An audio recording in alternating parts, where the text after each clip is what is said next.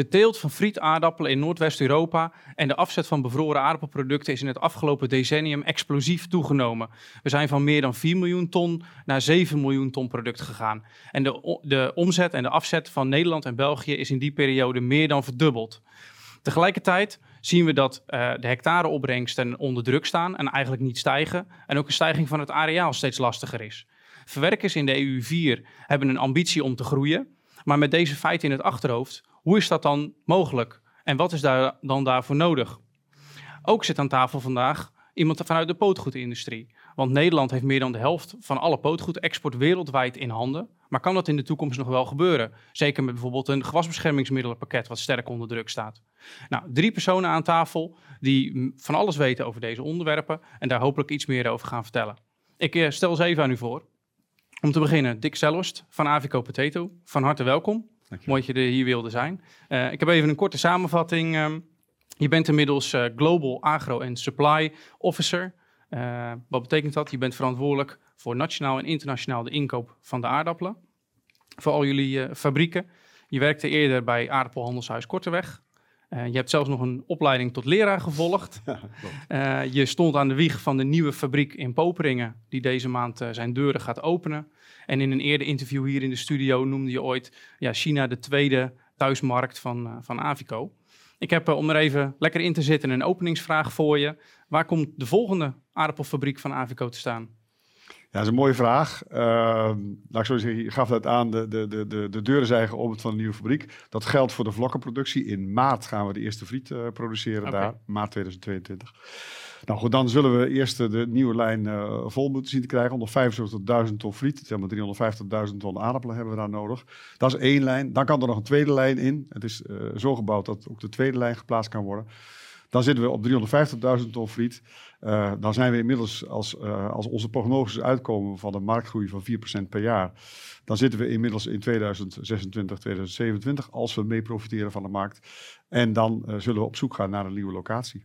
Overigens is het wel goed om te noemen dat we inmiddels ook een, een nieuwe frietlocatie in China hebben, om daar ook invulling te geven aan de lokale afzet. Ja, nou daarom ook de vraag. Hè. Je hebt uiteraard Nederland, Steenderen. Jullie participeren in fabrieken in Polen. Nu dan in, in België, Noord-Frankrijk, in China. Wat zou dan over tien jaar, 2027, misschien wel 2030 of verder naar de toekomst toe. Wat is dan, dan nog een aardappelgebied of wat is een onontgonnen aardappelgebied? Nou, wat ik nog niet genoemd heb, en je noemt het zelf al, ik heb het zelf al even aan, is uh, Polen. Uh, ook in Polen gaan we de capaciteit uitbreiden. Dus als je kijkt naar de, de agenda voor de komende vijf jaar, capaciteitsagenda, uh, is dat Poperingen, is dat China en is dat uh, Leborg in, in, in, Polen. Nou, voordat we daar zeg maar alle lijnen weer vol hebben, dan gaan we opnieuw kijken. Oké, okay, dus niet zozeer nieuwe fabrieken, maar nieuwe lijnen, dat komt eerder aan, Zeker. aan bod. Oké, okay. ik ga door met de persoon naast je, Wim van der Ree van Nedato. Ook van harte welkom. Je bent inmiddels al 21 jaar werkzaam bij deze coöperatie als agrarisch directeur. Jullie tellen ongeveer 500 leden. En ja, je weet als leverancier van Albert Heijn als geen ander hoe het aardappelschap daar eruit ziet. En jullie schotelen telers en een ruime afzetmogelijkheid voor zowel tafel als frietaardappelen voor. Um, en als vrij handelsbedrijven in aardappelen voorzien jullie ook verschillende frietfabrieken in heel Europa van aardappelgrondstoffen. En voor jou de vraag, um, is het nu makkelijker om met weinig hele grote aardappeltelers samen te werken, om juist met veel kleine aardappeltelers? Interessante vraag, Niels. Uh, ik denk dat het antwoord niet ja of nee is. Ik denk dat het heel belangrijk is dat je met de teelers een relatie opbouwt waarbij de teelers groot of klein de toegevoegde waarde ervaren van eh, de afnemer. En dat geldt voor eh, alle afnemers natuurlijk. Die toegevoegde waarde die bouw je door relaties op te bouwen met die telers. En we zien dat groot en klein behoefte hebben aan begeleiding. En behoefte hebben aan een afnemer waarin men uh, kan zeggen: hier zit begeleiding, hier zit uh, risicomanagement, hier zit van alles in wat mij als teler helpt om de organisatie van de aardappelteelt op mijn bedrijf uh, te, te, te organiseren, zeg maar. En een begeleider, elke afnemer, kan daarin meehelpen om die teler zeg maar, op zijn gemak, passend ook bij de persoon. Een teler moet ook passen bij de organisatie waarin hij uh, of zij uh, zaken doet. Als je die rol kunt vervullen, dat is het allerbelangrijkste wat er is. En dan is groot of klein in mijn beleving geen thema. Nee, het gaat om de persoon, om de relatie, niet om de hectares. Exact. Ja, oké, okay, duidelijk. En dan de, de, laatste, Jan van Hogen. Ook welkom van uiteraard pootgoedhandelshuis Agrico. Inmiddels al eh, ruim 32 jaar werkzaam volgens je LinkedIn-pagina, zag ik. Klopt. En de laatste 10 jaar als algemeen directeur. Ehm, je bent ook nog eens een keer wel ambassadeur, kunnen we noemen. Niet eh, geboren en getogen, maar wel eh, in Emmeloord al vele jaren woonachtig. Als de, de aardappelhoofdstad van de wereld misschien wel. En zeker voor wat betreft pootgoed. Bij je aantreden las ik, zei je in een interview... dat anti- anticiperen op ontwikkelen, ontwikkelingen in een dynamische wereld... de grote uitdaging zijn. En ja, waarschijnlijk zijn dat woorden die eh, ook vandaag de dag nog hartstikke actueel zijn. En voor jou de vraag, eh, ja, toevallig of niet... eh, jullie zitten als twee coöperaties naast elkaar hier aan tafel. Is er nou nooit gesproken over een, een fusie? Want dan heb je zowel ja, de uitgangsmateriaal die kant afgedekt... als zowel de afzet van het, van het eindproduct. Ja, ja dat klopt. Ehm, en ik zeg altijd, je moet je historie weten om ook naar de toekomst te kunnen kijken. En ehm, eh, ik moet dus even terug in de historie, 1998. eh, toen waren er, overigens zijn er drie coöperaties hier. Want de Avico is uiteindelijk eigendom van, eh, van de Kozen. Ja, Kunnen we ja. toe van de bietenboeren, maar goed, daar kunnen we een Ja, andere. Een beetje discussie. indirect wel, hoor. Ja, de, de telers zijn allemaal Dus eigendom dat, van ik onze vond het mooi dat we met drie coöperaties aan tafel, maar dat te zeiden. 98, toen, ehm, eh, toen hadden wij nog eh eh, Eh, als agrico in eigendom. Wij hadden nog eh, een hele grote consumptieafdeling. Of wij leverden toen heel veel uh, consumptieaardappelen, vooral aan Avico in die tijd. Ik weet niet of jij er toen al was, Dick. Volgens mij niet. Ach nee, nee. Ja, broekie. Nog maar net, komt net kijken ze met de aardappelhandel. Hè, maar toen is er dus inderdaad sprake geweest van een fusie Nedato, Agrico, Avico. Dus de hele club. En ik denk dat, als voor mij was een gedroomde fusie. Eh, maar de ouderen onder ons, die, die weten, 98 was het jaar met de, de, de regen in september. En later nog een keer, dat was vlak voor de rassenshow. En dan gingen we met onze klanten, reden we door de polder en dreven alle uien, zeg maar, in het water. Zeiden, ja, de aardappels zijn al verrot, want die zijn eerder weg. Dus eh, ja, dat wordt duurder dit jaar. En eh, toen hebben we ruzie gehad eh, met, eh, met Avico. Want eh, ja, wij hadden dan een contract voor, ik weet niet hoeveel duizenden tonnen agrias. En toen zei ja, force majeure, we hebben maar de helft. Ja, daar hebben die, eh, de directeuren die toen, want toen was ik gewoon maar een beetje verkoper uh, poderappelen. Die hebben ruzie gemaakt met elkaar en toen is het stuk gegaan. En ik denk gemiste kans. Want nogmaals, toen hadden wij en Celovita en grondstofvoorziening en de rassen, alles in één hand. De Agria was er niet gekweekt door Agrico, maar wij hadden wel de vertegenwoordiging. En we zijn toen met, ja, met Avico eigenlijk, uh, met Agria was het nog exclusief voor Avico. En de Club Agrico Holland heette dat. Dat was een samenwerkingsverband tussen Nedato en Agrico. En ik zeg altijd nog heel kort hoor. Uh, toen ik bij Agrico kwam, hadden we 10 miljoen ton, 2 miljoen ton verwerking in Nederland. En wij hadden in de collectie een miljoen ton aardappelen. En toen hadden we kracht hè, als coöperatie. Maar ja, de fabrieken zijn allemaal om ons heen gegaan en rechtstreeks met de telers. En die telers die denken, ja, ik kan beter rechtstreeks handel doen dan, dan, dan met het handelshuis. En zo is het gelopen. En hebben ja. wij ook afscheid genomen in 2010 van, de, van, de, van onze consumptietak. En uh, ja, overgedragen in die tijd aan Avico. Dus toen ben ik ook algemeen directeur. Dat was helemaal niet de planning. Uh, maar toen ben ik ook onder druk eigenlijk algemeen directeur geworden. Maar uh, goed, dat, hebben, nou, ja. dat was even een klus zeg maar erbij, maar dat is goed gegaan. Ja, een interessante geschiedenisles, zeker voor uh, ja. ja. een broekie als ik, ja. die dit niet wist. Dus uh, zeker interessant, bedankt daarvoor. En ja. het landschap is dus wel zoveel veranderd dat die, die droomvisie, zo, zoals je het noemde, wat tegenwoordig We wel hadden ook in, is. met ons drieën toen een afpakbedrijf hè, in, in Purmerend. Wat uiteindelijk toen hebben wij de aandelen van, van Nedato overgenomen, dus Leo de Kok. En die ook ja. dedicated leverancier is bij, uh, bij Albert Heijn. Okay. Wel ja. belangrijk om alle ervaring vanuit het verleden nog even te kunnen horen. Hè? Want uh, uiteindelijk is uh, het nieuws kunnen we altijd weer uitvinden. Maar de geschiedenis heeft ook wat in zich. Ja, ja zeker. Interessant. Ja. Um, ja, ik heb voor ieder van jullie drie stellingen die ik je graag voor wil schotelen. Ik wil graag een, een eens of een oneens horen. En dan gaan we daarna even alle drie bij langs om daar even iets nader toe te lichten. En hopelijk dat daar al heel veel uh, actualiteiten en onderwerpen en zo voor de toekomst van de teelt aan het woord komen. Um, Dick, om met jou uh, te beginnen. De eerste stelling. De groei van de aardappelteelt in Europa is geen beperking om te groeien in de verwerkingscapaciteit. Ben je het daarmee eens of oneens? In Europa, hè? Ja. Als we competitief blijven, oneens. Oké. Okay. Oh, sorry, eens. Dus oh. nee, eens, eens. eens Oké, okay, ja. De tweede stelling. Uh, over tien jaar hebben we meer aardappelvolume als Avico en minder telers. Eens. En de laatste. Het aantal frietverwerkende bedrijven of frietproducerende bedrijven in Noordwest-Europa neemt af van ongeveer 10 op dit moment naar 5 over een periode van 10 jaar, 15 jaar. Het aantal zal minder zijn. Zeker. Maar zo hard weet ik het niet. Oké, dus ja. Dat... Ehm, ja, de, de groei van de aardappelteelt in Europa, dat is wel een hele interessante. Ja. De ambitie van alle aardappelverwerkers in Noordwest-Europa is duidelijk. Er zijn veel fabrieken bijgebouwd. Je sprak zelf al over lijnen, Polen, Nederland, eh, Noord-Frankrijk, België. Ehm, tegelijkertijd is er heel veel druk op grond. We hebben in een ander interview heeft Gea Bakker ook verteld over het milieugebruiksruimte. Iedereen vindt dat hij of zij recht heeft om te recreëren, om zonnepanelen neer te leggen, om eh, huizen te bouwen. Eh, en dan moeten dan ook nog eens aardappelen tussendoor worden, worden geteeld. Is dat niet een hele lastige situatie van hoe geef je dat allemaal een, eh, een plekje? Neemt die druk op die landbouwgrond niet heel erg toe? Nee, zeker. Eh, de, eerste, de eerste stelling was ook best in die zin wel een lastige. Want het is natuurlijk zo, als je kijkt naar de groei van de industrie, dan is het zeker een uitdaging om de, om de, om de groei eh, in grondstof eh, ook te realiseren. En daarvoor zullen wij ook interessant moeten blijven voor de telers. Als dat niet het geval is, als de teler geen kostendekkende plus teelt kan hebben, dan is er ook geen, geen mogelijkheid voor groei. Dan, dan zal het areaal afnemen, wat we dit jaar bijvoorbeeld ook gezien hebben. Dus eh, als industrie is het belangrijk dat we samen met die, met die eh, teler eh, als een partner kijken hoe we die keten het beste in kunnen vullen, waarbij ook de teler een goede boterham heeft. En dan is er zeker toekomst voor verdere groei. Niet zozeer in Nederland. Ik denk dat in Nederland het areaal nou, ja, is al een aantal jaren wat stabiel, zeg maar. Er zit ook niet zoveel eh groeimogelijkheid meer in.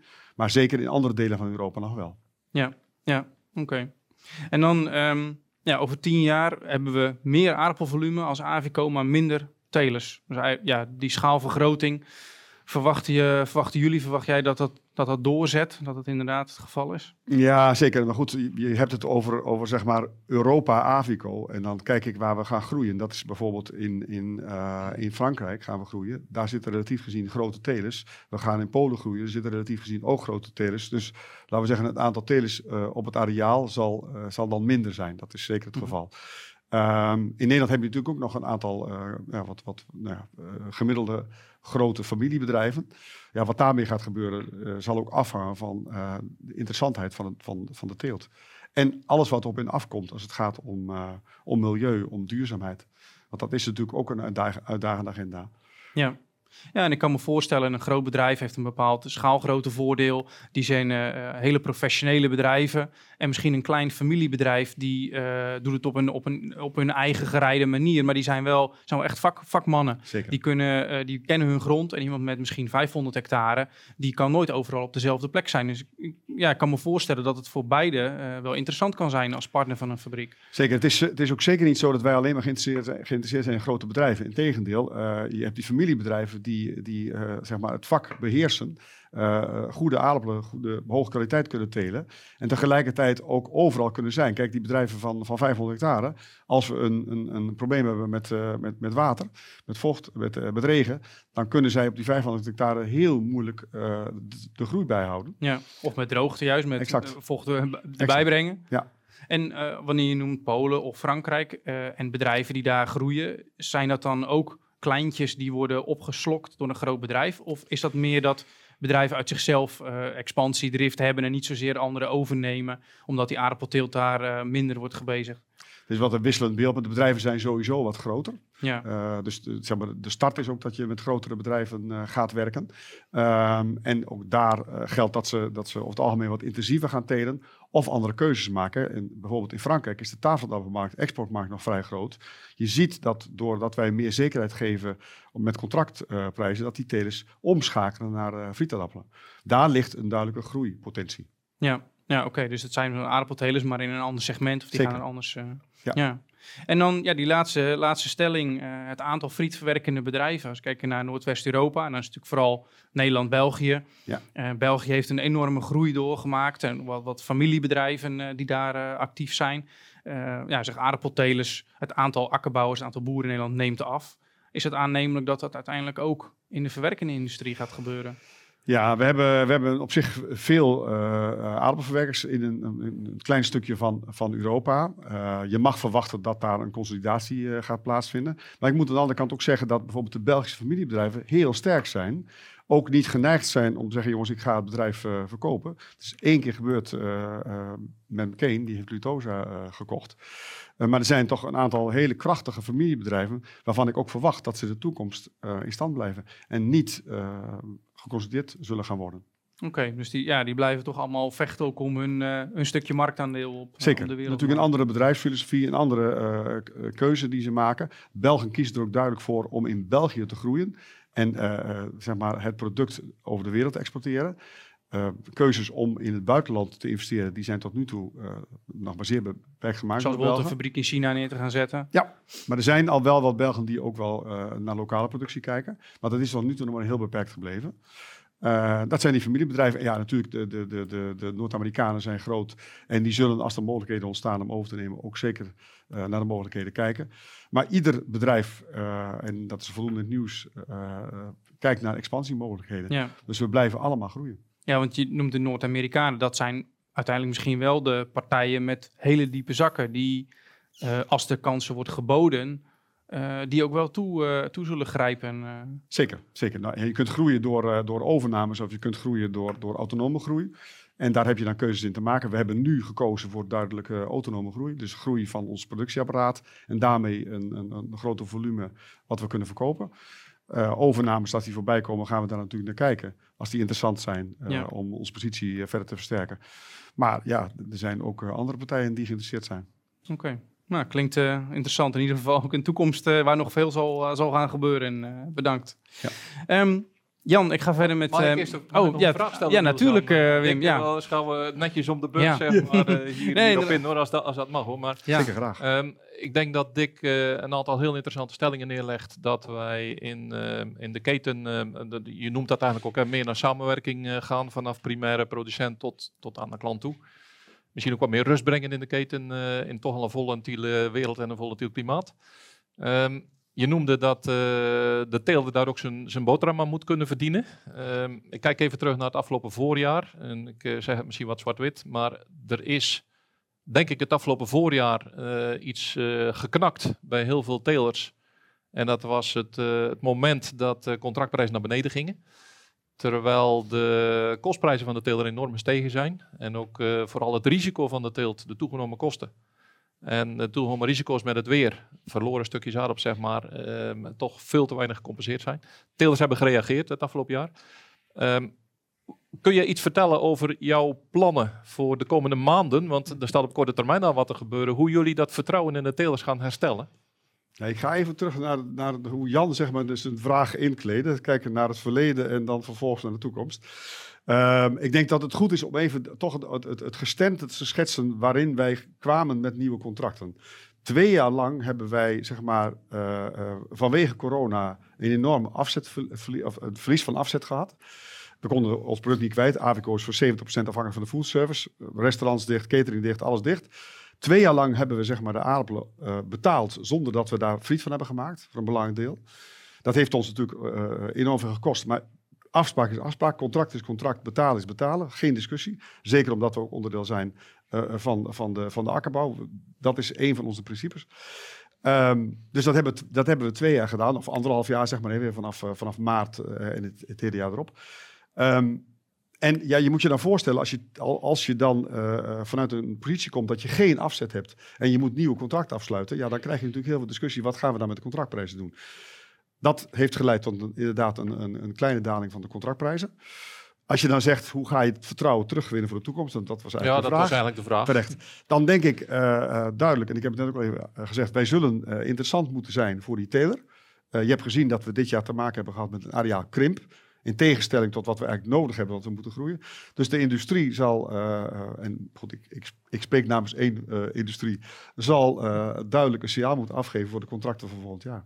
Wat, wat, kun je iets meer vertellen over een duidelijk signaal? Of, uh, dan vraag ik natuurlijk gelijk naar centen per kilo, maar dat zo, zo, zo concreet zou je misschien niet zijn. Maar... Je lijkt wel een boer, uh, Wim, die vraagt ja, ja, ja, joh, Je wilt graag een uitspraak. Misschien, misschien, misschien is dat ook wel een beetje zo. Hè, het, maar, jullie noemen allebei de, de, de relatie, het belang met de, met de teler. Wat, wat, hè, de partij die bij je past. Uh, je helpt elkaar door dik en door dun. Maar tegelijkertijd zeg ik allebei van, hey, het moet wel beloond worden inderdaad. En uiteindelijk gaat het dan toch over harde euro's. Als ik dan dat je terecht van de kostprijsstijging, wat de, de, laatste drie jaar heel hard is gegaan. Op alle fronten, op energie, gasbescherming, noem het allemaal maar op. Maar uiteindelijk is dus de, de, de euro's wel het cruciale belang ook om, om het vertrouwen te winnen. Dus het, nogmaals, eh, als wij niet, als wij structureel niet de kostprijs plus betalen, zal de aardappelteelt niet blijven bestaan. Ik heb deze stelling al veel vaker gezegd. Dat zal dus moeten. Anders dan, dan houden we geen aardappelteelt over. Dus als de industrie eh, en Avico, uh, dan in bijzonder, want, dat, want ja, dat is ons bedrijf, uh, niet de kostprijs plus betaalt, zullen we geen, geen, contract krijgen, zullen we ook geen aardappelteelt overhouden. Dus dat is een belangrijke voorwaarde. En natuurlijk willen wij dat die teler een hele goede boterham heeft, alleen we zitten wel in een competitieve wereld, laten we wel wezen. wij hebben als belangrijkste concurrent Noord-Amerika als het gaat om de afzetten in de wereld. En we zullen dus ook competitief moeten blijven ten opzichte van de Amerikanen. Ja. In kwaliteit en in prijs. Ja. En zolang we dat zijn, zullen we ook uh, kijken wat mogelijk is om in de teelt te betalen. Ik ben benieuwd naar de komende najaar, uh, Dick. Begrijp ik. Is het okay. eerder uh, vanwege corona, vanwege onzekerheid, is het nu eerder een thema, het volgend afseizoen en de prijzen? Of normaal gesproken zien we dat dat pas in februari of in maart um, gaat spelen. Die afzet eh, wordt er nu naar voren gehaald, dat er al eerder over wordt gesproken? Nou, ik denk dat, kijk, telers gaan een afweging maken. Gaan we, gaan we consumptieaardappelen, gaan we frieten of niet? Of kies ik voor een ander gewas? Tarweprijs is relatief hoog. Ja, daarom. Dat, en dat zal in het najaar gebeuren. Dus dan zullen wij ook uh, hom of kuit moeten... Uh, ja, zeker als je zegt de groei in Noord-Frankrijk, dat zijn traditioneel Absoluut. toch graantelers. Die gaan straks in september, oktober tarwe zaaien. Dus eigenlijk in de komende maand of zo uh, moet er wat aan, uh, aan vertrouwen gewonnen worden, denk ik, Dick. Uh, zeker. Maar ik, dat ik was, was je al bewust. Zeker, ik was vorige week in Frankrijk en toen kwam deze vraag natuurlijk op. Ja, dat snap ik. Dus toen heb ik maar gezegd dat het in ieder geval een substantiële verhoging zal zijn. Oké, kijk. Nou, dat is in ieder geval een mooie. Dan ga ik door, ook omwille van de tijd. Jan, ga ja. met drie stellingen. Ja. Um, net als bij Dick. De eerste stelling is: Nederland behoudt zijn leiderschap wereldwijd in de veredeling van aardappelen in de toekomst. Van bootaardappelen. Eens. Oké. De Europese wetgeving zorgt ervoor dat belangrijke teeltgebieden voor pootgoed in de toekomst buiten Europa komen te liggen. Oneens. Oké. En zonder sterke groei van de veredeling kan de aardappelverwerkende industrie niet verder groeien. Dat is een moeilijke. Nou, dat, ja, dat zal ik ook, ja, daar moet ik eens voor zeggen. Ja. Okay. dat past mij natuurlijk. Nou, in ieder geval de eerste over dat Nederland behoudt zijn leiderschap in, eh, op, de, op het gebied van pootgoed, daar uh, resoluut eens. Ja, absoluut. Daar twijfel je niet aan. Absoluut. Kijk, uh, waar worden nieuwe rassen gekweekt? Dat is in Nederland. dat is in Duitsland, hè, waar een paar professionele kweekbedrijven zitten. Dat is in Frankrijk. En daar houdt het eigenlijk op. dus wij zeggen altijd, als je echt naar de grote professionele kweekbedrijven, dan denk ik, hè, we het net over die frietfabriek, dat er vijf overblijven. Eén eh, in Duitsland, één in Frankrijk en drie, eh, drie in Nederland. Um, ja, wij zijn gewoon leider. Hè. Dat zie je, World Potato City Emmeloord, hebben we net al genoemd. Uh, als we de rassenshows hebben in november, de, de, de internationale pootgoedbedrijven, of ze uit Duitsland of Frankrijk of uit Schotland of uh, Denemarken komen, die komen allemaal in Emmeloord of in de omgeving van Emmeloord, huren ze een zaaltje en daar houden ze een tentoonstelling, omdat de hele wereld komt naar Emmeloord. Daar gebeurt het gewoon. En tegelijk, um, een derde van al het pootgoed in Nederland wordt geteeld in de Waddenkust. Ik heb, heb ik zelf een keer uh, becijferd artikel over geschreven. Nu is er een krankzinnig plan om misschien dan maar een deel van Friesland onder water te zetten. Ja, klopt. Uh, we hebben uh, ja, dure grond. Uh, bodemkwaliteit is een issue, gewasbescherming. Dit jaar is de luisdruk dan iets lager, zitten we meer met Vitoftra. Ja. Dus er liggen best wel ja. uitdagingen. Absoluut. Er liggen heel veel uitdagingen. Dat klopt als een bus. En er valt me nog mee dat we het areaal zeg maar zo rond die 40, 41.000 hectare kunnen hebben. En er zal ook de komende jaren een competitie ontstaan uh, tussen de bedrijven om die hectares te krijgen. En dat zien we ook in Frankrijk bijvoorbeeld. En door de groei van de, van de consumptieteelt in Frankrijk, van de nieuwe gebieden, hè, dat is dan al wel in mijn beginjaren bij Agrico, dus jaren 90 en, en de jaren 0, uh, de Marne en, en daarna in de Boos, hè, het zuidwest van Parijs. Dat zijn de consumptiegebieden. En dankzij de ras uit Nederland zijn die geëxplodeerd en, en is Frankrijk leider in, in export. Maar ook de friet je ziet de verschuiving steeds meer in het noorden, minder tafelaardappelen. Ook omdat kwalitatief, hè, dat die, die, die, die, die, uh, die grond ook wat moe worden, meer schurf. Maar dan kun je prima industrieaardappelen telen. Ja, dan profiteren de Belgen en, in dit geval ook Avico van. Om daar areaal neer te zetten. Dus uh, enorme druk op arealen, klopt. Uh, en, en die WAD-agenda, ik heb ook meegedaan in die discussies daarover. Nou, dan word je echt niet blij.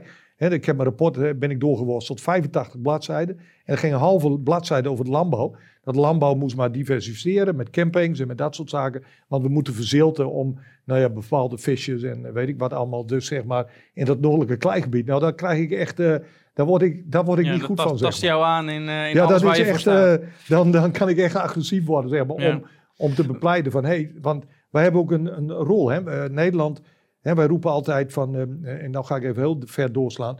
Wij willen hier niet veel vluchtelingen hebben uit allerlei landen. Om, hè, eh, en dat heeft ook te maken met voedselvoorzieningen. Heel veel opstanden. De Arabische lente is begonnen met een broodopstand in Tunesië, omdat er te weinig brood was, omdat het brood duurder werd. Wij zorgen voor uh, uitgangsmateriaal van, van, met podappelen in heel veel landen in de wereld, zodat daar een duurzame voedselvoorziening is. Er wordt gewoon compleet, wordt niet over nagedacht in, in, in Den Haag, maar dat is een kortzichtigheid. En van ja, het gaat nu alleen nog maar over natuurstikstof en weet ik wat allemaal. Maar dus, wij, wij, hebben een, een, een, een, belangrijke maatschappelijke rol ook in de voorziening, in de voedselvoorziening in hele grote delen ja. van de wereld. En dan praat ik over Noord-Afrika en het Midden-Oosten. Dick vertelde net over aardappelverwerking die verhuist naar België, Noord-Frankrijk, uh, een deel in Polen, zelfs naar China toe. Is het dan niet mogelijk om te zeggen van nou, we gaan Noord-Polen, daar gaan we een belangrijk pootgoedgebied van maken, zitten we ook langs ja. een, een, zeekust. ja. Is dat dan, is het klimaat daar niet voor geschikt? Is daar de infrastructuur, wat is daar het principiële bezwaar tegen om, om dat niet te doen? Nou, we hebben een dochteronderneming in Polen. We telen nu net iets meer dan uh, duizend hectare. En we zijn heel blij dat... Een voorbeeld op kan ook in een ander land zijn. Maar... Nee, nee, maar Polen is een mooi voorbeeld. Dus wij gaan ook, uh, Avico gaat hoop ik ook een van onze rassen daar uh, verwerken. Hè, want tot nu toe is vooral fastfood. Nou, daar zitten wij wat minder sterk in. um, dus wij gaan daar onze poolgoedteelt verder uitbreiden. Export is gewoon heel moeizaam, omdat infrastructuur... Hè, wij hebben het grote voordeel wat de frietindustrie heeft met Rotterdam, Antwerpen, uh, Hamburg voor de Duitse frietindustrieën, uh, Le Havre, de containerhavens. Je kunt niet goedkoper, ja was, want het is nu even natuurlijk stress met containerprijzen, maar goed, dat is ook vaak een cyclus, dus dat komt vanzelf weer een keer goed. Dat zal wel even duren. Maar door onze fantastische infrastructuur, wij hebben podappelen geteeld in Noord-Frankrijk, in Normandië, hè, um, voor de exportmarkten. En die reden we dan naar Hallingen om in een boot te laden. Ja, dan ben je niet duurzaam bezig. Dus we hebben op een gegeven moment gezegd, we halen die exportteelt weer terug naar Nederland. En we gaan meer uh, voor de frieteelt, omdat die frieteelt enorm uitbreidt in Noord-Frankrijk, meer frieteelt, uh, pootgoedteelt in Noord-Frankrijk doen, om die logistiek beter voor elkaar. Maar er is geen land, en dat is gewoon een enorm voordeel. En dat nadeel hebben ook de Amerikaanse uh, frietindustrieën die in de Pacific Noordwest zitten, die hebben dan Seattle als haven. Maar dan moet je nog 2000 kilometer of zoiets rijden eerst met een container voordat je die in een schip hebt. En hier, ja wat is het, 500, ik zeg altijd in een straal van 500 kilometer rond Rotterdam worden de frietaardappelen geteeld. En nu worden die grenzen opgezocht hè, door die frietbakkers, uh, die 500 kilometer. Maar het transport wordt duurder.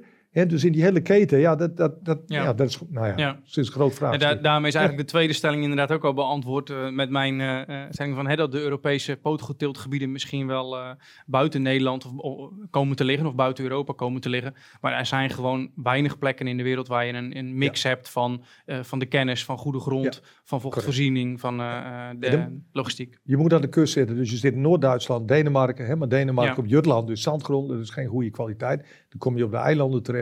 Schotland zit je, maar daar nu met de brexit hebben we natuurlijk al problemen. En Noord-Frankrijk. In België ja. een beetje, maar dat, is, ja, dat stelt niet zoveel voor. Maar Noord-Frankrijk, pootgoedteelt, toen ik bij Agrico begon, stonden 10.000 hectare.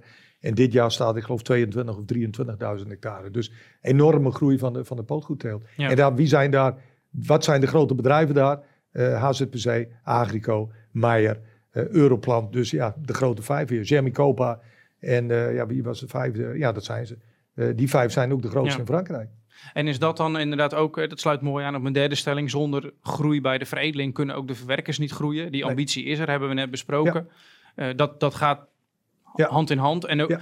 kijk naar de hectareopbrengst. Die is eigenlijk, zeker in de laatste tien jaar, misschien wel de laatste twintig jaar, niet of nauwelijks veranderd. Ah, dat ben ik we, helemaal met je eens. Kijk, nee, maar kijk, als je suikerbiet als voorbeeld neemt, zijn we van 50 ton naar ja. 100 plus gegaan. Dus eigenlijk heeft een, een partij als Kozen of Zuidsuiker het heel uh, makkelijk. In die zin dat er weinig hectares extra nodig en toch meer productie. Terwijl als Dik meer aardappelen wil, dan moet hij serieus meer grond ja, zien te vinden. Maar in bieten worden allemaal sinds 100 jaar veredeld. En aardappels al duizenden jaren. Dus de, de, de, ja, de Huppelde Pub Index, dat is de, hoeveel je dus maximaal van een hectare kunt produceren. Mm -hmm. Zitten we gewoon bij de aardappel al redelijk aan het maximum.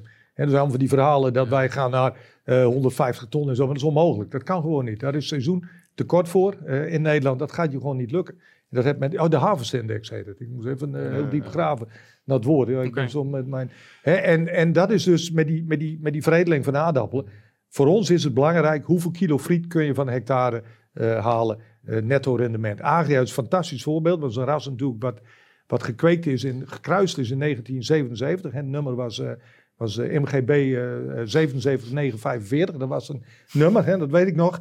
Ehm, en dat was gewoon een hele mooie blokje aardappel met lengte. En als je kijkt, eh, België leunde volledig op beentjes, hè, tot, tot voor 15 jaar. En we hebben gewoon puur geluk gehad met de Fontane. En de Fontane is gewoon veel stabieler, brengt gewoon 10 ton per hectare gemiddeld meer op dan een beentje. Dus dat we die opbrengst niet verhoogd hebben, daar, daar ben ik het er absoluut niet mee. Nou, Maar ik, ik, ik vind wel, sorry eh, eh, maar eh, als we inderdaad in tien jaar kijken, en we pakken het areaal even in Nederland en we kijken de productie in Nederland, hè, die getallen eh, die zijn er al, dan kun je op elkaar delen, en sjouwen en doen. En je zet dat in tien jaar in een lijn, dan stijgt die lijn niet. Nee. Eh, en eh, je praat over de potentie van een ras, en daar ben ik het wel mee eens. De potentie is er wellicht wel, maar we hebben wel te maken met een heleboel omstandigheden om ons heen. eh, die toch hier en daar tot verliezen leiden. En dat is denk ik toch wel een verhaal wat over ons heen komt, het klimaat. Klimaat, De absoluut. volatiliteit van de opbrengst, verliezen in opbrengst. We zien het nu weer in Limburg en, en Oost-Brabant. Dat lijkt misschien maar een stukje daar, eh, maar voor de telers daar ter plekke is het natuurlijk Ja, een drama. Triest, ja. En als je al die verliezen optelt, dan kom je eigenlijk tot de conclusie dat de opbrengst netto geoogst en bruikbaar per hectare de laatste tien jaar gewoon niet gestegen is. Maar is het Nee, niet een utopie om te denken dat je een klimaatrobuuste aardappel kan telen die dan maar tegen overstroming of Nee. extreme droogte kan? Nee, Nee, Ook niet met wel, CRISPR-Cas Ik wil toch of- even, als dat mag, op Ja. Jan reageren. Ja, want, want hij, hij twijfelde wat of we de veredelaars nodig hebben voor de groei van de verwerkende industrie. Dat was je stelling. Ja. ja. Ja. Daar ben ik van overtuigd. Want als we kijken naar wat ons, op ons afkomt, ja. dus wel hè, Ja, ben, ben ik van overtuigd. Wat er op ons afkomt qua klimaatverandering of qua eh, wetgeving, als het gaat om het gebruik van gewasbeschermingsmiddelen, resistenties, noem alles maar op. Daar zullen wij robuuste aardappelrassen voor moeten hebben. absoluut. We hebben in het verleden heel gekeken van is die aardappel geschikt om friet te maken? Dat blijft wel belangrijk. Maar robuuste, sterke, Ja. resistente rassen hebben we keihard nodig om die groei van de industrie te faciliteren. Ja. Dus, eh, En dus- die altijd ieder jaar goed zijn. Fontane is denk ik een boerenras. Die, die, die, die kun je overal telen en die heeft altijd een opbrengst, wat er ook gebeurt. Hè, we hebben de hitte meegemaakt, we hebben natte mee, we hebben groeischeuren, we hebben hol, we hebben van alles. Maar hij heeft altijd een Ja. opbrengst. maar ik ben wel En- ben met twee mensen en- die moeten wel eens wat fout maken in die nieuwe rassen. Want Ja, dat ja, dat- schiet- niet dat- net op. Ik, Ja, ik kijk nee, ook een beetje naar, naar, naar het. ehm, eh, dat is hier nog niet ter sprake geweest, maar we hebben in eh, mei, geloof ik, een eh, vaststelling gehad van het Europese nieuwe landbouwbeleid. Ja. Eh, from, eh, wat is het? eh from farmer to fork, geloof ik, heet het officieel. Of van, van teler naar, naar bord. Ja. Green Deal. Daar staan de Green Deals. Daar staan best wel wat uitgangspunten in richting 2030. En dat lijkt ver weg. Maar zeker voor een veredelaar, Jan, is, dat heel kort dag. Dat is vol, mooi. Daar staan toch mooi, zaken precies. in als eh 50% minder GBM. Precies. De bufferzones, weet ik het, minder verspilling. Er staat ook nog eens bij 25% biologisch. Ja. Ehm, dat zijn wel uitdagingen. Ja. eh, samen met de mindere mogelijkheden die we hebben, waar je als sector voor staat. En we zitten hier met z'n drie in eh, verwerking, eh, handel en, en, en, en veredeling. Waar we volgens mij heel hard aan moeten werken, is zorgen dat we in die komende tien jaar of negen jaar die nog blijft, dat we wat we vroeger hadden, onderzoek, voorlichting, onderwijs, dat we al die kennis bundelen. Een keer stoppen met de concurrentie tussen al die fabrieken eh, en anderen. Maar dat we samenwerken, de concurrentiestreep naar boven trekken en daaronderin eh regie gaan voeren over het vraagstuk van hoe gaan we hiermee om in de komende tien jaar. Want dat zal heel veel energie, creativiteit Zeker. van Ja. iedereen vragen. En, en ook dan vervolgens een goede waardeverdeling in de keten. En daar zit de teler bij, daar zit de verwerker bij. Maar ik wil hier ook wel stellen dat als wij in de teelt en verwerking moeten gaan investeren in verduurzaming, dan zal uiteindelijk de markt het moeten betalen. Ja, en dat is de consument en, en alle fastfoodketens, ik ga ze allemaal niet noemen. Maar dat zou wel moeten verschuiven. En Ja. ook het opnemen van de risico's in de keten. Zeker, zeker. Nee, maar dat, dat, dat, dat geldt ook. We hebben de discussie net over de, over de contractprijzen gehad. Als die volatiliteit verder toeneemt, dan krijg je ook een soort risicopremieafdekking. Hè? Of je moet het in je, in, je, in je hele keten op een andere, vorm, een andere manier vorm gaan geven. Maar nogmaals, genetica is een hele belangrijke. De tijd is nog maar kort. En anderzijds ben ik het helemaal met je eens dat we onze kennis moeten bundelen en moeten proberen. En de telen moeten helpen, supporten, om, om wat er op hem afkomt ook zo goed mogelijk in te vullen. Te. Ja. En zou je, eh, ik hoorde je eerder iets zeggen over eh, competitief zijn op wereldniveau. Ja. Eh, is het niet denkbaar dat wanneer er een aardappel ontwikkeld kan worden die met minder gewasbescherming toe kan, ehm, dat een consument ook bereid is om voor die extra inspanning te betalen als, je, als hij uiteindelijk bij de McDonald's of bij een ander ergens een eindproduct, een frietje koopt, eh, waar heel veel moeite en tijd is gestopt om dat op een goede manier te telen, ook voor de omgeving. Is dat vermarktbaar? Is dat ver- verkoopbaar? Of Nou, dit is de crux van de discussie, hè? Waar, waar, waar we ook als organisatie of als, als, als fietsverwerker mee, mee worstelen. Er zijn bepaalde klanten die, die daarop in willen investeren. Die zijn er zeker. Maar als je het hebt over, over de massa of je export, dan is dat best nog lastig om, om de vertaling te maken van die kosten, die, je, extra kosten die je gaat maken op het gebied van verduurzaamheid, te vertalen naar je klanten toe. Dat is, Ja. dat, dat is ook een uitdaging. Aan de andere kant is het zo dat we er niet aan ontkomen. En in Europa hebben we een level playing field, om even mooi te zeggen. Iedereen wordt met dezelfde regels eh, geconfronteerd. Daar moeten we zo goed mogelijk mee omgaan met de kennis die er is. Als je het hebt over Amerika en eh, Europa, krijg je natuurlijk een andere discussie. Waarbij het wel zo is dat ik denk van we moeten vanuit onze eigen krachten redeneren. En als we dat doen en die kennis eh, met elkaar eh, bundelen, dan kunnen we ook een sterke sector maken. Ja. Oké. Maar, maar het is mooi dat je het noemde, dat die, die nieuwe Europese wetgeving, dat, dan gaat level playing field wel weg met Noord-Amerikanen. Ja. Hè, ik kom ve- veel in, in Noord-Amerika, dat is een beetje een hobby van mij. Hè, en daar, die, die frietail, dat is gewoon, ja, dat is bijna in kassen. Het is niet in kassen, maar dat is daar in die zandgronden met water en met voedingsstoffen. En die hebben ook niet die opbrengstvolatiliteit die wij wel hebben. Hè, want het is allemaal in woestijn, de zon schijnt altijd. Dit jaar is het een beetje te heet en, en, en veel rook, maar goed. Eh, maar daar mag je nog met van alles eh, als, als gewasbeschermingsmiddelen. Hè, de, in de pootgoedteel, er was een bedrijf die uh, adems op met acid. Acid, wat is dat nog? Dat is zuur. Dat is hier in 1958 of zo verboden. Dus, dus daar is, en die telen nog Russell Burbanks, nou, dat is het beentje zeg maar, van ons.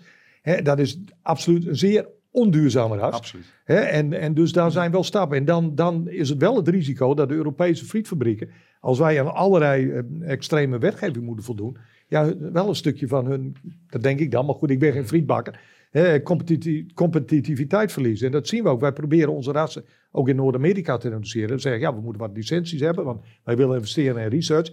En dat, hè, wat je vroeg in een van die stellingen, ja, er gebeurt gewoon niks. zijn de universiteiten die kweken en die willen graag goede resistenties. En, maar die, dat zijn geen commerciële Nee, mensen. niet. Dat, daar komt helemaal geen rassen. Er gebeurt gewoon helemaal Nee. niks. Hè, en, dat is, en, en door onze manier, en met pootgoed is het veel duurder. Want pootgoed daar, Russell Burbank, die snij je in zes stukken of in acht stukken. Hè, dat is gewoon een totaal andere teelt. En dat is wel een ding wat ik zie door die hele strenge wetgeving. En, en ik sta daar op zich achter, maar dat kan wel een probleem geven. En, en level je, playing ziet, je ziet vandaag al berekeningen, zeg maar, die komen vanuit Amerika, waarin de, waarin de vertaling van de Green Deal is gemaakt op de Europese kostprijs. En dat dan naast de, de, de, de Amerikaanse. En dan zie je al dat Dus wij voor niet meer gewoon een competitief zijn. verkoopargument. Worden nu al berekend. En dat is allemaal commercieel en dat, daar moet je veel dieper induiken. En zij weten ook niet wat precies de consequenties zijn van de Green Deal. Dat weten we zelf nog niet eens. Dus laten we wel wezen. Maar, maar je ziet wel dat dat, dat in, het, in het level playing field wel wat anders wordt. Oké. Nou, daarmee heb je een heel mooi eh, brugje naar de stellingen voor Wim. Want die moeten we nog hebben. En als ik ook even naar de klok kijk eh, voor, voor wat betreft eh, de tijd. En we hebben veredeling gehad, verwer- verwerking gehad, eh, een, stuk, eh, een stuk handel nu nog. Ehm, de eerste stelling voor jou, eens of oneens. Zonder vrije handel kan de verwerkende industrie zich nooit verder ontwikkelen. Hartstikke eens. Kijk, ik had niet anders verwacht. En dan de tweede, ehm, eh, eh, ik noemde hem al even. De Green Deal in Europa is een kans voor een telescooperatie zoals Nedato. Ehm, ja, het- het- maar dan niet alleen eh, voor Nedato, maar dan zul je het samen met eh, moeten opzetten. Dan zie ik het wel als een kans. Voorzichtig Maar niet, niet alleen Nedato, alleen in Europa. Daar zijn Nee, wij niet groot genoeg voor om daar een eh, stelling te maken. Maar wel met elkaar, denk ik. Oké. En dan de laatste stelling is, voor individuele telers is er weinig kans meer op de vrije aardappelmarkt. Ik denk dat we uh, nou geen Maar kans eens, is... eens nul- of oneens, hè? Ja, Laten we, dat we gaan er zo dieper dat- op in. dat- Daar gaan we er zo Eens meteen... eh, Ja, wij moesten ook een beetje stellig zijn, eh, Eens of ja, oneens? Ja, ja, ja, ja, jongens, niet druk opvoeren, hè. Eh, eens. Oké. Ehm, nou, de, we beginnen even bij het, eh, bij het begin. Zonder eh, vrije handel, uiteraard zei je, eh, de verwerkende industrie kan zich dan, nooit verder ontwikkelen. Want ik kan me voorstellen, de, de relatie met, met de afnemer is heel belangrijk. Dat zijn verschillende soorten bedrijven. Maar er zit ook nog soms een, een, een tussenpartij tussen die ja, helpt wanneer er ergens eh, behoefte is, door, door droogte of door overstroming of wat dan ook. Ja. Waarom denk je dat, dat die positie zo cruciaal blijft, ook in, in het komende decennium? Ik denk dat er een aantal redenen eh, te noemen zijn om die, eh, om die maar even in volgorde te, te aan te geven. Ik denk ten eerste de volatiliteit van de opbrengsten, die hebben we al een aantal keren genoemd. Je kan dus eh, met de Nederlandse klimatologische omstandigheden niet alles vastleggen in prijs. Want dan loop je veel te veel risico's in je afzet en je posities. Dus er zal altijd een stuk, zeg maar, zonder vaste prijs blijven in, eh, in, in Noordwest-Europa. Daar ben ik van overtuigd. Uh, dat stuk zonder vaste prijs, daar zal iets mee moeten gebeuren. Nou, dat, dat, dat moet met dagprijzen, met klikcontracten, kun je alles voor verzinnen. Maar dat zal ergens een prijsvorming mee moeten krijgen. Dus daarom denk ik dat dat stuk eh, vrije handel blijft. Eh, ik ben wel van mening dat dat stuk vrije handel, of die aardappelen die dus nog niet geprijsd zijn op vaste prijs, dat die wel in ketenafspraken een weg moeten vinden. Nou, dat sluit even aan met de derde stelling, waarvan ik denk inderdaad dat het aantal telers die helemaal hartstikke vrij telen op dit moment, helemaal zonder afspraken, dat die wel steeds kleiner worden. Dus de kansen uh, zeg maar, uh, minder benutten om in samenspraak met een ketenafspraak mee te doen. Dus dat al even naar de derde stelling toe. Maar om dat vrije stuk, wat er in mijn beleving gewoon blijft en is, uh, om dan samen met de wens van de teler, en daar staat of valt het mee, die ook zegt ik wil mijn risico's spreiden, om dan die vrije aardappelen echt te bundelen, wat wij doen, hm. en daar met ketens afspraken over te maken, dat is een stuk wat, wat is, wat blijft. En misschien nog wel groeit in de komende jaren, afhankelijk van de volatiliteit van het klimaat enzovoort. Nou, die rol die, die vervullen wij nu. Die willen wij uh, absoluut blijven vervullen. In samenspraak met die teler. En uh, ik zie ook een ontwikkeling dat grotere telers ehm, ook niet meer met één afnemer zaken doen. De ook risico's spreiden in de vorm van afzet. Dus het kan ook nog zo zijn, om die stelling maar te deponeren, dat het verschil tussen vaste prijzen bij grote bedrijven en het vrije gedeelte, de meeleveraardappels, zoals in de, in de, in de, in de praktijk genoemd worden. Mhm. Dat dat stuk meeleveraardappels misschien ook nog wel eens een keer gebundeld zou kunnen worden in, in een stuk vrije handel, zeg maar. Ja, want die vrije teler die vervult eigenlijk wel een sleutelpositie. Als je jouw vraag zo... Want die, vrije, die, die meeleveraardappelen moeten afgerekend worden, ergens op een prijs. En als er vrije handel is, dan is er een markt. Hm. Dus dan is daar, komt daar ook een prijs uitrollen en die wordt dan uh, gebruikt misschien om die aardappelen te prijzen. Dus die heeft wel een, een, sleutelpositie in handen. Ja, waarbij ik nog wel even duidelijk wil maken dat de, de, de, de, die moet ergens op geprijsd worden, uh, zeg jij uh, Niels. dat is natuurlijk zo. Ehm, dat is wel een discussie op zichzelf, vind ik. En dat is niet wijzend met vingers, maar ik constateer op dit moment toch wel dat de, de, de prijsvorming zoals wij hem in Noordwest-Europa, maar begin maar met Nederland hebben, dus dat is Potato NL, Um, daar kunnen we allerlei uh, deals uh, zeg maar opsturen naar uh, de BO Wakkerbouw. En dan wordt dat meegenomen, staat op het bord en dan komt daar een prijs terecht. Ik constateer eigenlijk in Nederland dat wij dat, en dan wijs ik ook naar onszelf als handel, als telers, eigenlijk onvoldoende benutten. Ik denk dat er veel te weinig transacties op dat bord komen en dat daarmee een soort um, ja, kleine cirkel ontstaat. Wat ook bij heel veel telers met vrije aardappelen toch wel ja, als, als, als onvoldoende wordt ervaren. Ik denk dat er ook rondom die prijsvorming, samen met het bundelen van vrije aardappelen of meeleveraardappelen, een, een constructievere, objectievere prijsvorming moet zijn. Waarbij iedereen meedoet.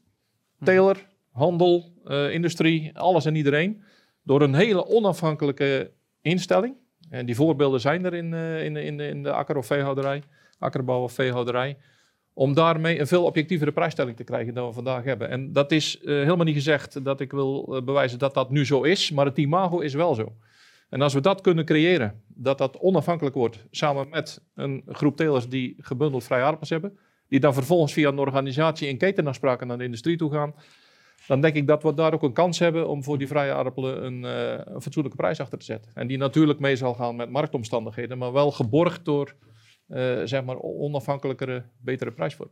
Ja, maar ik kan me juist voorstellen, uit de concurrentie op wereldniveau, dan uh, heeft een verwerker, wie dat dan ook is, vooral behoefte aan eigenlijk een stabiel prijsniveau. Zoals we in de Verenigde Staten de geconditioneerde teelt. Je weet wat er komt, daar kun je een prijs voor afspreken. En inderdaad, hier door klimaat worden die extremen misschien wel alleen maar groter. Daardoor gaat die prijs ook uh, heel erg schommelen. Dat dat juist nadelig is voor de verdere ontwikkeling van de sector. Een teler is er misschien bij gebaat in sommige jaren wanneer die meer uit de markt kan halen. Ja, nou ja, ik denk altijd, maar we hebben het over bestaansrechten van telers hè, en over ook uh, het meedoen in een systeem. En uh, telers zoeken ook uh, risico's. Er is ook maatwerk nodig bij telers, denk ik. De ene durft meer op, op vrij te telen dan de andere. Maar dat, daar moet je in voorzien. wij hebben daar dat, nee, dat een flexsysteem voor, maar dat is maatwerk voor iedere teler. Maar uiteindelijk zal aan het eind van de rit, en daar kun je de teler ook in helpen, wel een, een optelsom van opbrengsten moeten komen waarbij hij kan blijven telen. Of zij kan blijven telen. En daar is dat stuk onderdeel van. Mhm. En, en, dat gevoel wat daarin zit van ik word betaald naar, naar, naar wat de markt ook doet op dat moment, dat, dat ontbreekt. Het vertrouwen is daar een beetje weg. En ik denk dat we dat moeten herstellen door uh, onder andere een onafhankelijke prijsstelling. En uh, nou ja, wat Dick ook aangeeft, herstel van vertrouwen ook richting de industrie met hetgene wat gebeurd is de laatste twee jaar. Nou, allerlei eh, toelichting daarop, eh, Dick. Maar dat vertrouwen zou wel hersteld moeten worden om eh, die verdeling in de keten zeg maar, eh, in centen uit te gaan drukken. En daarmee de motivatie van de teelder te krijgen om te blijven telen. Ja, dat is het vaste deel en het vrije deel. Dus een soort Belgapom-notering. Dat is, een, eh, dat is een voorbeeld, Jan, maar die bedoelde ik eigenlijk niet. Ik vind het nog eens een interessante gedachte hoor, om, om, om te kijken of je tot een onafhankelijke prijsvorming, eh of prijssetting kunt komen. Hè? Dus wat de prijs dan in, in de markt mag zijn. Dus ik, ik denk dat het goed is dat, dat, dat, dat partijen kijken of daar mogelijkheden toe zijn. Ja, maar we hebben natuurlijk allerlei. Is de Rotterdam-notering en nu het Potato NL. Ja. Dus altijd een enorme discussie. Enorm. Volgens mij, omdat de belangen groot zijn. Te- maar goed, dat is voor mij voor de afstand hoor. Wat ik ervan meekrijg, dat is allemaal niet. eh, Nee, ja. ik- als ik ik ben- jou nou zo hoor, dan denk ik ja. Ik, ik ben het helemaal met je eens, maar eh, een zowel, onafhankelijke scheidsrechter. zowel in Rotterdam als in, eh, in, in Potato NL is de sector zelf zeg maar, aan tafel. Gedeeltelijk of, of, Ja. of, of wat meer of Zeker, minder. Zeker. Ja. En dat moet je misschien wel helemaal onafhankelijk maken. Zet er maar iemand neer die gewoon eh, gaat rondbellen en vragen en, en de Ja, volle ja. breedte. Dan heb je een onafhankelijke prijsstelling. Het me- gebeurt volgens mij in andere markten ook. Ja, zeker. Het lijkt me ook een mooie discussie eh, binnen, binnen, binnen, binnen een gremium als een Potato NL. Wat kunnen we daar aan doen om, die, om, om eigenlijk de onafhankelijkheid beter te borgen? Ja, Nou, hele interessante discussie binnen een eh, discussie. Ja. En eh, dan nog even die andere stelling. We hebben er eigenlijk hiermee twee, eh, twee gehad. Eh, De Green Deal noemde ik.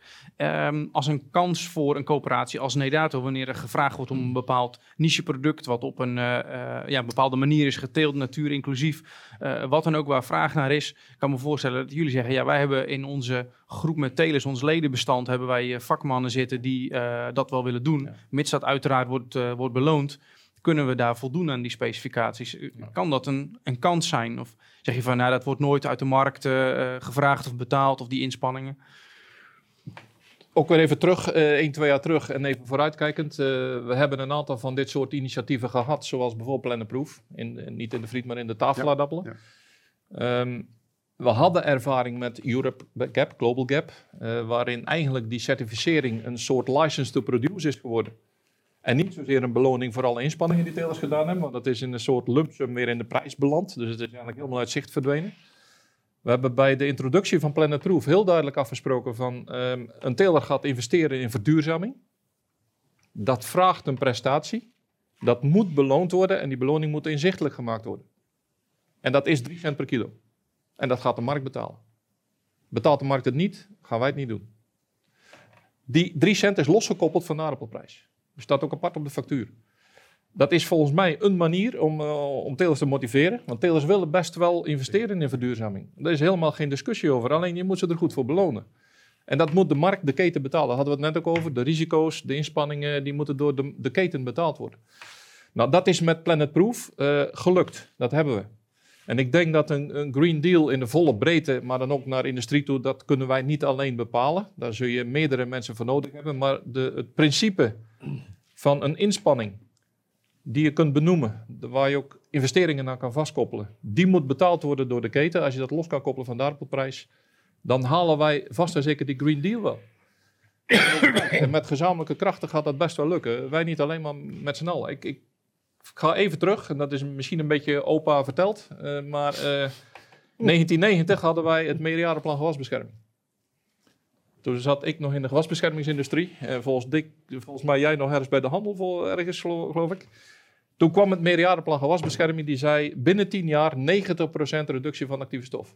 Stond de hele sector stond te schudden op zijn grondvesten. Want dat kon nooit van zijn leven lukken. Dat is gewoon hartstikke gelukt in 1990. Of in 2000. Waarom? Omdat we de schouders eronder gezegd hebben. En, en, en industrie, eh mooi gewasbeschermingsfabrikanten. Zeker. Die hebben dat met elkaar geregeld. Toen hadden we ook nog een overheid die wat regisseerde. Die hebben we niet meer. Dat zullen we zelf moeten doen. Maar als we daar de schouders onder zetten en zorgen dat de teelder beloond wordt voor inspanning en de keten betaalt, dan komen we er met gezamenlijke krachten wel uit. Ja. Ook met de Green Deal. Ja. Maar wij niet alleen, dat zullen Ja, we samen op Ik, moeten pakken. ik Ja. zeg altijd, onder druk wordt alles vloeibaar. Hè, CIPC, nou, iedereen heeft moord en brand geschreeuwd. Eh, van, oh, hoe moet dat verder? Dat, we kunnen nooit meer aardappels afleveren in mei. En ik heb er, ja, ik weet niet, jullie zitten meer daarin, maar ik heb er eigenlijk heel weinig over gehoord. En volgens mij is dat hartstikke goed gegaan. Dan hadden we ook geluk vorig jaar hoe ze gegroeid zijn. Maar dat is even Ja. mijn... Ja, eh, ja, misschien maar- zit ik helemaal fout hoor. Ik maar- se wel een mooi voorbeeld. Wellicht zijn we wat te laat eh, in beweging gekomen, maar Ja. dat, dat even terzijde. We hebben wel als, als complete sector, hebben we, hebben we zeg maar, eh, eh, de, de hele transitie van CPC naar andere eh, alternatieven, hebben we wel gedaan. Ook in overleg met, met, met, met Europa. En zelfs ook een, nou ja, zeg maar een overgangsregeling kunnen uitonderhandelen. En dat hebben we samen als sector gedaan. Ja. En uiteindelijk ook samen de inspanning geleverd om de cellen schoon te maken, om alternatieven in te zetten en dat op, en dat op de juiste wijze te, te begeleiden. Ik vind Glory PC eh, en de transitie daarvan een mooi voorbeeld zoals we ook eigenlijk die Green Deal zouden moeten invullen. En dat is de Potato Coalition, noemen we dat in Brussel. Hè? Dus eh Europatat, eh Euroseeds, Heel sterk. en de club frietbakkers, eh EUPA, Eupa. EUPA, Hè, die allemaal met Ja. elkaar hebben die gelobbyd. En zo hebben we die, die, eh, die, die temporary eh, MRL eh, erin Exact. gekregen. Ja. Met z'n allen, absoluut. Europa staat dan ook open voor, eh, voor, voor Ja. het gesprek. Als je Ja. kunt bewijzen dat het Ja. de beste weg is Ja. om te gaan. Maar je moet als sector de regie nemen in Ja, zo'n proces. Dat is een prachtig voorbeeld. Maar onder druk wordt alles vloeibaar. Een ja, een mooie, toch positieve afsluiter uiteindelijk over heel veel uitdagingen. Je kunt het als een bedreiging zien, maar het blijkt ook wel, ook van de verschillende geschiedenislessen die hier op tafel zijn gekomen, dat we eh, daar ook echt wel van kunnen leren en dat het ook wel eens positief uit kan pakken. En eh, ja, leren eh, van de fouten uit het verleden en ja, de toekomst ja, goed tegemoet zien. Ik dank jullie hartelijk voor jullie komst. Ik heb het gevoel dat we nog wel een keer zo'n interview zouden kunnen doen. Zoveel is het te bespreken. Iedere maand één doen. Ook, In ieder geval, dank voor jullie komst. En ja, wie weet hopelijk inderdaad tot de volgende keer. Ehm, deze video is onderdeel van een tweeluik over de toekomst van de aardappelteelt. Misschien heeft u de eerste video met Albert Schering, Gea Bakker en Hendrik Jan ten Katen al bekeken. Misschien niet. Doe dat dan zeker ook hier op boerenbusiness.nl en blijf onze website volgen voor het laatste nieuws op het gebied van de aardappelteelt.